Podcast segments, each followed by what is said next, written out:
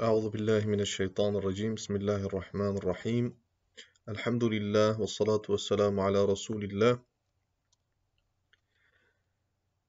We hebben in de vorige les uh, een korte introductie gehad tot uh, het huwelijk. Uh, nu gaan we een aantal dingen opnoemen over de voortreffelijkheid van het huwelijk in de islam, volgens de islam. De profeet sallallahu alayhi wasallam was ook getrouwd. Hij heeft ook vrouwen gehuwd. Dus het is in ieder geval de sunnah van onze geliefde profeet sallallahu ta'ala alayhi wasallam en de sunnah ook van alle profeten. En Allah subhanahu wa ta'ala zegt in de Koran: "Laqad kana lakum fi rasulillahi uswatun hasana." Zo zegt Allah subhanahu wa ta'ala in de Koran. In de, in de boodschapper van Allah zit er voor jullie een ideaal model. Dus jullie kunnen hem als een ideaal rolmodel zien. In al jullie zaken. Nou, aangezien de profeet sallallahu ook was getrouwd en daar uh, een speciale aandacht aan had besteed, uh, vooral ook in het stimuleren ervan, uh, voor de jongeren en voor mensen die in staat zijn om te trouwen, dan wordt hiermee duidelijk dat dat een voortreffelijke daad is voor ons om als voorbeeld te nemen. Zie, dat is al eigenlijk genoeg om de voortreffelijkheid van huwelijk te laten zien. Maar we gaan een aantal overleveringen hierover behandelen. Professor Lasm heeft bijvoorbeeld gezegd: Het dunya mata'un. Het wereldse, dus het wereldse leven, is een mata'. Is eigenlijk uh, consumptie, uh, vermaak, uh, is tijdelijk. Wa khayru dunya. Maar het beste van deze hele wereld is wat? Al-mar'atu salihah. Een vrome echtgenoot een vrome echtgenote. Uh, natuurlijk kan je dit ook omdraaien. Een, dus e, vrome echtgenote, dus voor een man, uh, of een vrome echtgenoot voor een vrouw. Is allebei hetzelfde. Zie je? Daarom heeft profeet sallam eigenlijk het ideaal gezin, dus waarbij de echtgenoten vrome mensen zijn. Profeet sallam heeft dat de beste van het wereldse genoemd. Beste wat je kunt hebben aan de wereldse gunsten. Subhanallah. In een andere hadith, profeet sallallahu heeft gezegd: Men arade, en wie wil, en yalqa Allah tahiran mutahhara. Wie rein en gezuiverd Allah wil ontmoeten, falyatazawwaj al-hara'ir. Laat hem dan trouwen. Zie, wees niet uh, ongehuwd, uh, ga niet ongehuwd dood. Daarom een van onze, uh, onze sheikh, een van onze leraren, uh, hij had een janaza bijgewoond. En die persoon die was overleden, zijn lijk stonk heel erg. Dus ze hebben het niet kunnen wassen. En ze hebben, het ook, ze hebben de ceremonie ook niet kunnen verlengen. In korte tijd hebben ze zijn lijk hebben ze begraven door die stank. En hoe komt het dat het stonk? Uh, die persoon was nooit getrouwd. Hij was vrijgezel. En toen hij overleed, uh, heeft hij een we één week of twee weken heeft hij in zijn huis uh, gelegen. Dus zijn lijk heeft in het huis gelegen en niemand wist er wat van. Deze man was een vrome man. Was een vrome man. en onze sheikh zei over hem. Dit is de boetedoening voor de fout die hij heeft gedaan door niet te trouwen. Dus deze ellende die, hij nu, uh, die hem is overkomen, dat zijn lijk zo is uh, gaan stinken en uh, zijn ceremonie, hij is niet kunnen wassen enzovoort, is een boetedoening voor die fout die hij heeft gedaan door niet te trouwen. Zie dus, dit is de minste schade die je kunt oplopen. Hoe vroom je ook bent, als je vrijgezel bent, dan kan je snel een uh, ellendige toestand in uh, binnenkomen. In een ellendige toestand terechtkomen. En sommige mensen die geen kennis hebben of die niet vroom zijn, zij kunnen heel snel een spel worden van de shaitaan. Zie je, een middel. Shaitaan maakt jou een middel en dan speelt hij met jou. Maar Allah is heel gevaarlijk. Daarom zo zegt onze geliefde profeet Ik herinner me ook een andere hadith waarin profeet zegt de kwaadaardigste van deze umma zijn degenen die vrijgezel blijven. Die niet trouwen, terwijl ze in staat zijn om te trouwen. 3. Er zijn heel veel overleveringen waarin wij zien dat profeet sallam jongeren aanspoort om met weer jongeren, met maagden, met jongeren te trouwen. Hier zijn talloze overleveringen over. En één keer profeet sallam, hij hoort dat Jabir bin Abdullah, anhu, dat hij met een uh, weduwe trouwt. Jabir was jonge man, maar hij trouwt met een oude dame die weduwe is. Dus profeet sallam hoort dat, hij zegt tegen hem, waarom heb je een oude dame eh, gehuwd? Waarom heb je niet een jonge dame gehuwd, een maagd gehuwd? Terwijl eigenlijk profeet sallam, hij heeft zelf dat ook gedaan. Hij heeft zelf ook een, uh, voor het eerst toen hij trouwde, trouwde hij met een weduwe dame. Een dame van uh, ongeveer uh, 40 jaar, 50 jaar. Profeet sallam was nog 25.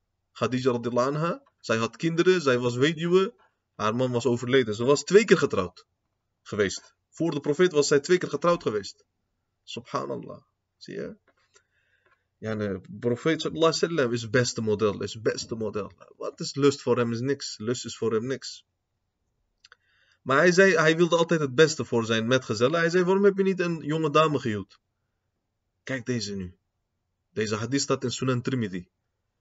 Die Jabir ibn Abdullah radiyallahu anhu, hij zegt, uh, ik heb uh, haar gehuwd omdat ze is weduwe, haar man is overleden. Ze heeft zeven kinderen. Die vrouw heeft zeven kinderen, hij, heeft zeven wezen, weeskinderen. Dus hij zegt, ik wilde hiermee, wilde ik hun onderhoudskosten, hun verantwoordelijkheden op mij nemen. Subhanallah. Kijk deze, naar deze sahaba, subhanallah. Kijk naar deze sahaba, radiyallahu anhum ajma'in. Op jonge leeftijd, als hij wil, hij kan mooiste vrouwen huwen, jonge dames huwen. Maar hij trouwt met, hij trouwt, hij huwt een oude dame met weeskinderen, een weduwe. Waarom? Uh, om hun uh, te verzorgen, om hun te helpen. Want daarom, islam geeft ook toestemming voor meerdere uh, huwelijken, voor de man tegelijkertijd tot vier. Waarom? anders, dat komt vaak voor vrouwen. Die, er zijn sowieso meer vrouwen in de wereld, maar die, het kan ook zijn dat soms als de man over, komt overlijden, dan worden de vrouwen, die vrouwen, die weduwen, worden verwaarloosd. De kinderen van hen worden verwaarloosd. Sommigen komen zelfs in prostitutie terecht.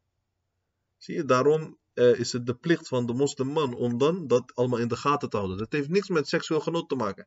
Kijk niet naar die westerlingen. Zij trekken dat naar zo'n uh, topic. Alsof daar een seksuele uh, gedachtegang achter zit. Maar dat komt omdat zij zelf over seks zijn. Zij zijn zelf oversext. Snap je? Ze zijn geobsedeerd door seks en door seksuele lusten. Daarom linken ze alles daaraan. Weet je? Trek je daar niks van aan. Ze begrijpen niet. Als je de islam niet begrijpt, dan uh, ga je natuurlijk zulke rare conclusies. Als je bent overheerst door jouw eigen uh, demonische uh, gevoelens, dan ga je alles binnen, binnen de kaders van de seks ga dan beoordelen. Snap je? Alles.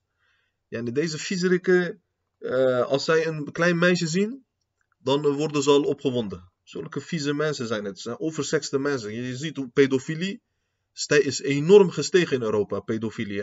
Is enorm gestegen. Ja, uh, mensen die vallen op kleine meisjes, 7 jaar, 6 jaar. 10 jaar, 11 jaar. Dat zijn nog kleine kinderen. Ze vallen op zulke meisjes. Zulke viezerikken zijn het. En dan gaan ze, uh, als het gaat om de islam, gaan ze de islam uh, berispen en kritiek leveren, weet ik veel wat stelletje duivels.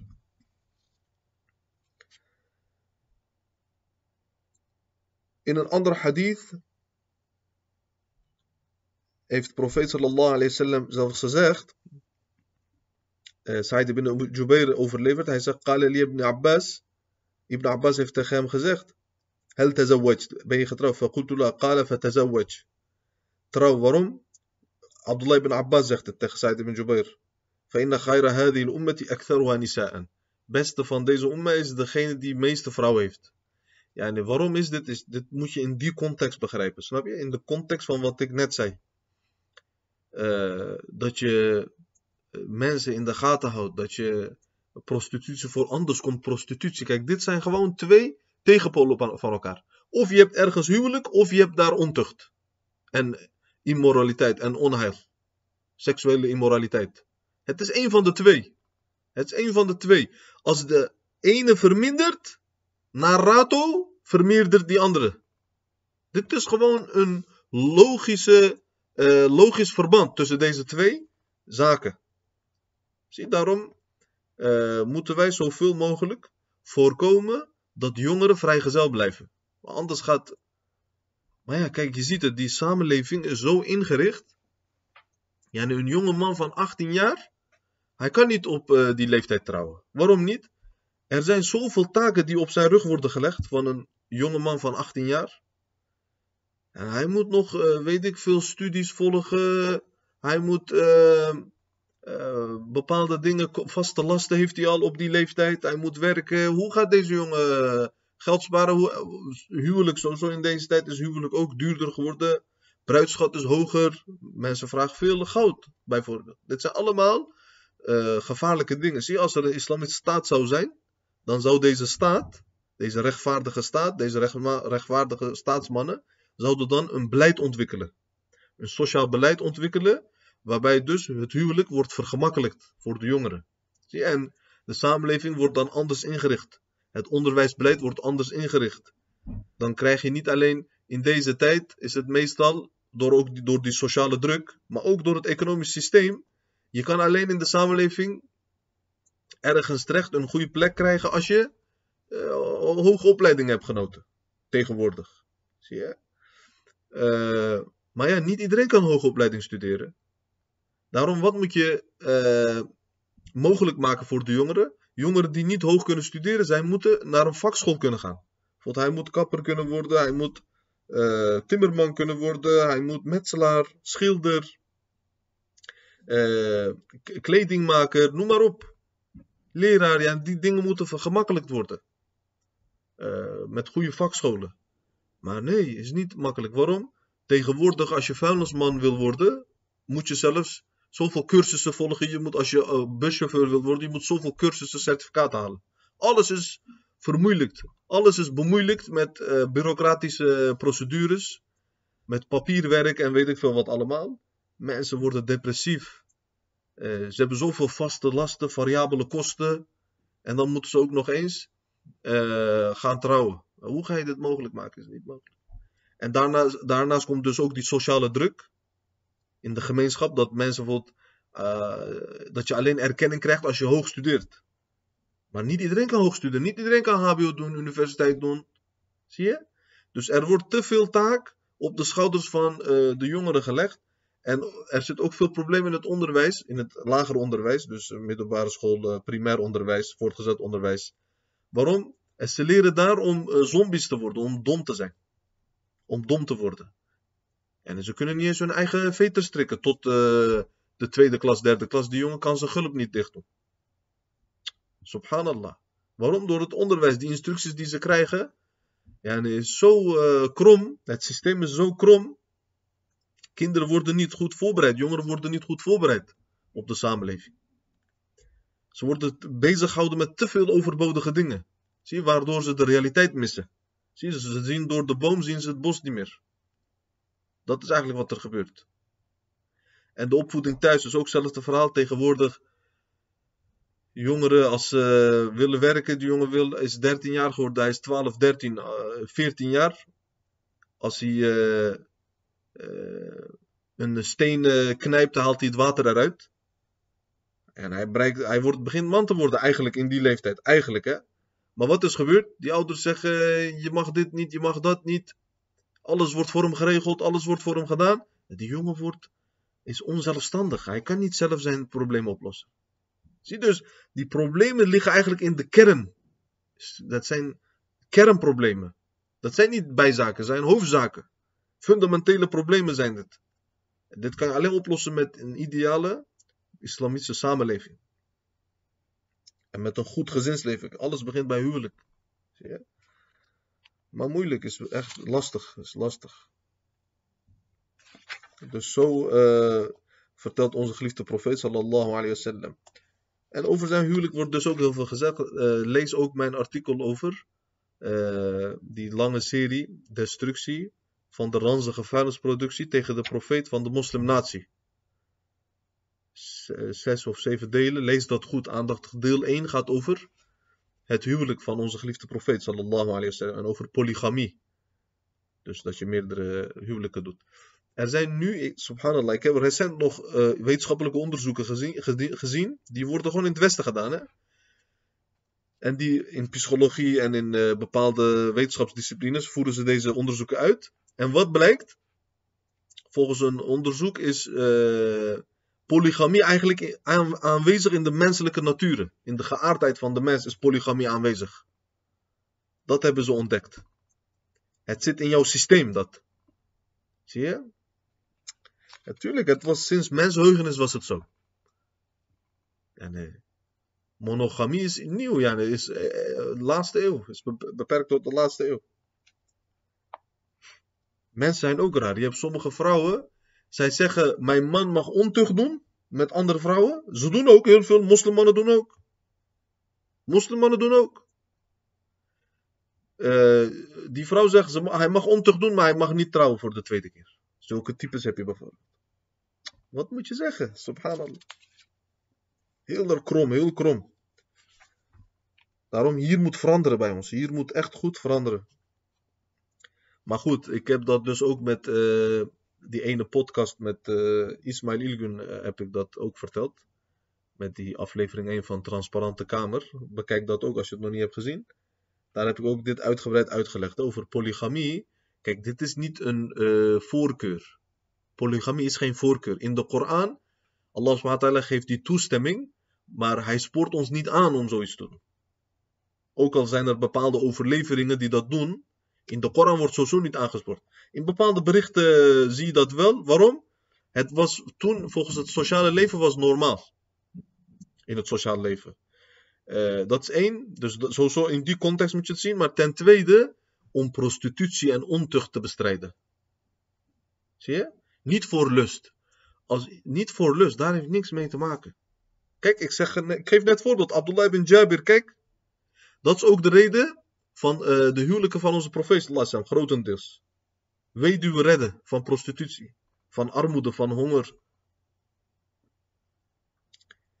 Dus uh, polygamie is geen voorkeur. Het is een toestemming die wordt gegeven uit sociaal-politieke en economische overwegingen. Zie je? Dat is belangrijk hè, om dat te onthouden. Goed. In andere hadith, professor Allah sallam zegt, Mastafad al-mu'minu, ba'da taqwa Allahi. Beste wat jij kunt hebben is taqwa. Daar heb je het meeste aan, zegt professor Allah sallam. En daarna wat? Lahu min zawjatin saliha. Op de tweede plaats komt een vrome echtgenote of een vrome echtgenoot. In amaraha ata'athu. Dit is nu heel belangrijk. Allah subhanahu wa ta'ala heeft de man in het gezin, heeft hij één grada, ar-rijalu qawwamuna ala nisa, is Koranvers. De man heeft altijd, is, de man is altijd één stap verder. Waarom? Omdat er moet in het gezin, moet er ook een autoriteitssysteem, een gezagssysteem zijn. Dit betekent niet, de man is net als maffialeider, hij terroriseert het hele huis. Dit betekent niet dat. Dit betekent, er is één bestuurder. Als je auto gaat rijden, je kan niet twee bestuurders hebben. Er, is, er moet één bestuurder zijn, toch? Waarom? Want anders gaat die, als je twee bestuurders hebt, eentje gaat naar rechts afslag nemen, andere gaat naar links afslag nemen. Eentje, andere gaat remmen, eentje gaat gassen. Dat kan niet. Dan maak je kapot. Het gezin, de kinderen maak je kapot. Zie je? Daarom in het gezin, de man, de vrouw moet niet met de man gaan discussiëren. Vooral niet in het bijzijn van de kinderen. Anders je maakt de kinderen kapot gezag gaat weg. Dan uh, verliest die man, en sommige mannen zijn wat zwakker, naïver, dan verliest die man, heeft hij geen grip meer op het gezin. En als je geen grip meer hebt op het gezin, op je kinderen, ah, dan krijg je grote problemen. Kinderen komen op straat, ze luisteren niet meer, ze gehoorzamen niet meer. Of het gezin valt uit elkaar, of een van de kinderen komt in gevangenis terecht, of hij wordt ergens neergestoken, komt in het ziekenhuis terecht. Vrouw gaat ontucht doen, uh, krijgt, gaat uh, vreemd met andere mannen. Zulke dingen heb je veel in de maatschappij. Hoe komt dat? Omdat het touw is niet in de handen van de man. Het touw moet in de handen van de man zijn. Stuur moet bij de man zijn. Dat heeft, zo heeft Allah bepaald, subhanahu wa ta'ala. Dat is ook met werken zo. Het eerste werk, kijk, islam verbiedt niet voor vrouw om te werken, maar eerste taak van de vrouw is wat? Is de kinderen verzorgen. Ah, islam zegt ook tegen ons, de fuck in de fuck, we gaan ook nog zien hoor, maar het huishouden is niet voor de vrouw. De vrouw mag zeggen, ik doe het huishouden niet. Dan moet man iemand vinden uh, die huishouden gaat doen. Vrouw is niet verplicht. Maar vrouw is wel verplicht om kinderen te verzorgen. Dat staat centraal in deze hele gedachtegang. Waarom werkt vrouw liever niet? Omdat zij moet eerst haar kinderen opvoeden. Heeft ze geen kinderen? Of heeft ze haar kinderen opgevoed? Ze, zijn, ze hebben een uh, zelfstandig niveau bereikt. Dan kan ze werken.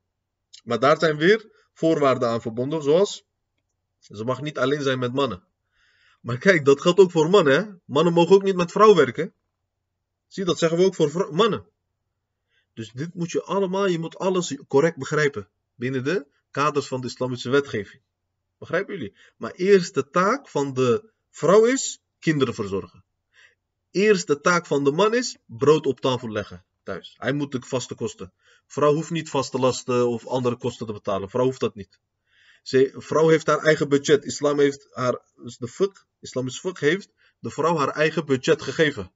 Haar goud, bruidschat die ze kreeg, of haar eigen inkomen, haar eigen eigendom is van haar. Man mag niet pakken zonder toestemming. Tuurlijk. En hoe rijk ze ook is, stel je voor die vrouw is heel rijk, maar de man is arm. Kan de man nu zeggen, jij bent rijk, dus betaal jij maar de kosten? Nee, vrouw mag zeggen, nee, ik betaal niet. Jij moet, waarom? De man moet betalen de kosten. Onderhoudskosten, islam heeft dat opgelegd aan de man. Zie je? is heel belangrijk deze zaak, hè? subhanallah. Alles gaat van hier mis. De profeet zegt, in amaraha ata'athu. Als die man iets beveelt, wat doet ze? Zij gehoorzaamt haar man. Maar als jouw man tegen jou zegt, jij moet de hoofddoek afdoen, jij moet niet bidden, jij moet met mannen praten, jij moet bij mannen zitten. Als hij zulke directieven geeft, die ingaan tegen de islamitische wetgeving, dan mag ze ongehoorzaam zijn. Oké? Maar als de man bijvoorbeeld zegt: Ik wil niet dat jij uh, naar die mensen gaat. Ik wil niet dat jij met die vrouw spreekt. De vrouw moet gehoorzamen. Zie je? Als de man zegt: Ik wil niet, uh, als je naar buiten gaat, laat mij eerst weten. Als de man zegt: uh, Ik wil niet dat je zoveel shopt. Voor vrouwen moet zulke dingen gehoorzamen. Als, man tegen jou, als je man tegen jou zegt, ik wil niet dat je werkt. Ik wil dat je gewoon thuis blijft en kinderen verzorgt. Dan de vrouw moet luisteren. Zie je, zulke dingen zijn belangrijk. Wa in nadara ilayha. Als de man naar haar kijkt, dan uh, verblijdt ze haar man. Dus als die man naar uh, zijn uh, vrouw kijkt, dan wordt hij blij. Waarom? Omdat hij tevreden is met haar. Zie dit is de beste wat je kunt hebben, zegt profeet sallallahu alayhi wa sallam. Oké. Zo zijn er heel veel overleveringen. In andere hadith, profeet sallallahu alaihi zegt, Ja ma'ashara shabab, o jongeren, men istata'a minkum al-ba'ata falyatazawwaj. Wie van jullie in staat is om uh, te, hoe heet het, te trouwen, trouw dan. فإنه أغض للبصر. Dat is beste om jouw ogen te bedekken. وأحسن للفرج. En beste voor, het, de, voor je kuisheid. ومن لم يستطع فعليه بالصوم als je niet kan uh, trouwen dan moet je vasten zegt profeet sallallahu فإنه له وجاء want dat beschermt jou ook waarom als iemand veel vast lust wordt ook minder hoe meer je eet hoe meer je lust uh, hebt zie je Maar natuurlijk, het belangrijkste is hier bij huwelijk, die grootste voortreffelijkheid zit eigenlijk bij het baren van kinderen. Als je kinderen krijgt, en je voedt ze goed op, je leidt ze goed op op het pad van Allah subhanahu wa ta'ala. Dat is echt grootste investering in het hiernamaals. Profeet zegt ook: ibn Adam, als, de, als het kind van Adam doodgaat, in qata amalu illa min thalath. Zijn goede daden stoppen. Dus er wordt niks meer geschreven voor hem. Behalve drie dingen. Als je een van deze drie dingen hebt gedaan in je leven, dan blijven die engelen bij jouw graf. Ze gaan door met schrijven jouw beloningen. Tot het laatste uur wordt beloning geschreven voor jou. Wat is dat? Er zijn ook andere lange overleveringen waar, uh, waarin staat als een dienaar doodgaat, dan zeggen die kiram en katibin, die twee engelen, die zeggen, ja Rabbi, onze taak is afgelopen, hij is dood. Mogen wij nu met aanbidding bezig zijn? We willen jou aanbidden. Allah subhanahu wa ta'ala zegt dan tegen hun, nee, jullie mogen niet stoppen. Waarom? Omdat jullie moeten nu naar het graf van mijn dienaar, want zijn da goede daden zijn niet gestopt. Hij heeft zulke investeringen gedaan in het hiernamaals. Zijn, jullie moeten tot het laatste uur doorschrijven met het goede daden van de, uh, met de beloningen van deze dienaar van mij. En dan krijgen ze hun nieuwe taak is, ga naar het graf, blijf daar en schrijf de beloning op. Welke drie dingen zijn dat? Sadaqatin jariya. Een doorlopende aalmoes. Dus je hebt een kraan laten maken, een publieke kraan. Uh, je hebt een, een wakaf gedaan aan een madras of een moskee. Want als jij dood bent, steeds als mensen van die kraan drinken of uh, mensen van die mushaf lezen, krijg jij beloning. Dat is sadaqa jariya, doorlopende aalmoes. Doorlopende donatie. Of je hebt een boom uh, geplant. Mensen gaan in de schaduw van die boom zitten, ze gaan van die vruchten eten. Vogels gaan nesten maken in de boom. Zo zegt profeet Allah in een andere overlevering. Die beloning gaat ook door. En over deze hadith, ik heb afzonderlijke boeken gezien. Wat is sadaqa jariya?